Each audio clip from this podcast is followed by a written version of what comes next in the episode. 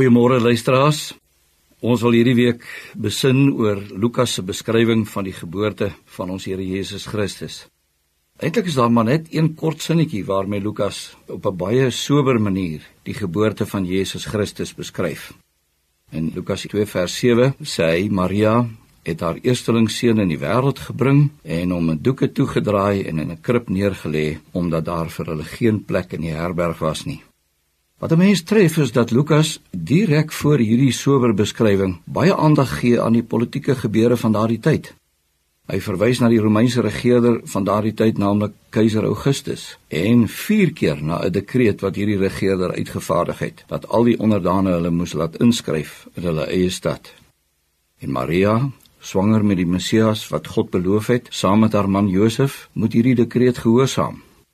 Dis amper of die agtergrond wat Lukas hier gee, die wonder van die geboorte verdwerg.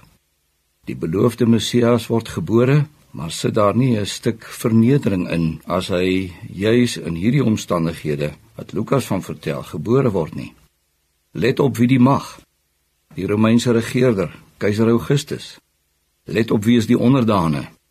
Josef en Maria en tel maar by hulle kind wat gebore moes word het die dinge met die koms van ons Messias nie effens verkeerd geloop hier nie. Juis nie. God het eeue gelede reeds aangedui waar sy Messias gebore sou word.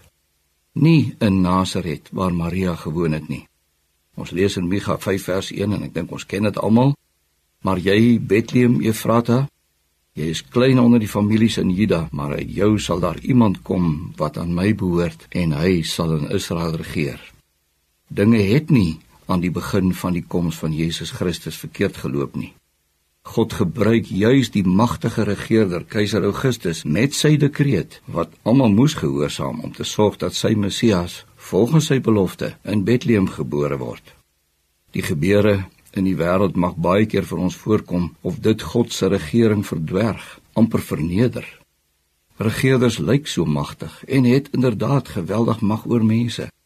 Maar onthou dan, gelowige, God se planne, sy regering word nie deur mense en deur omstandighede omvergegooi nie.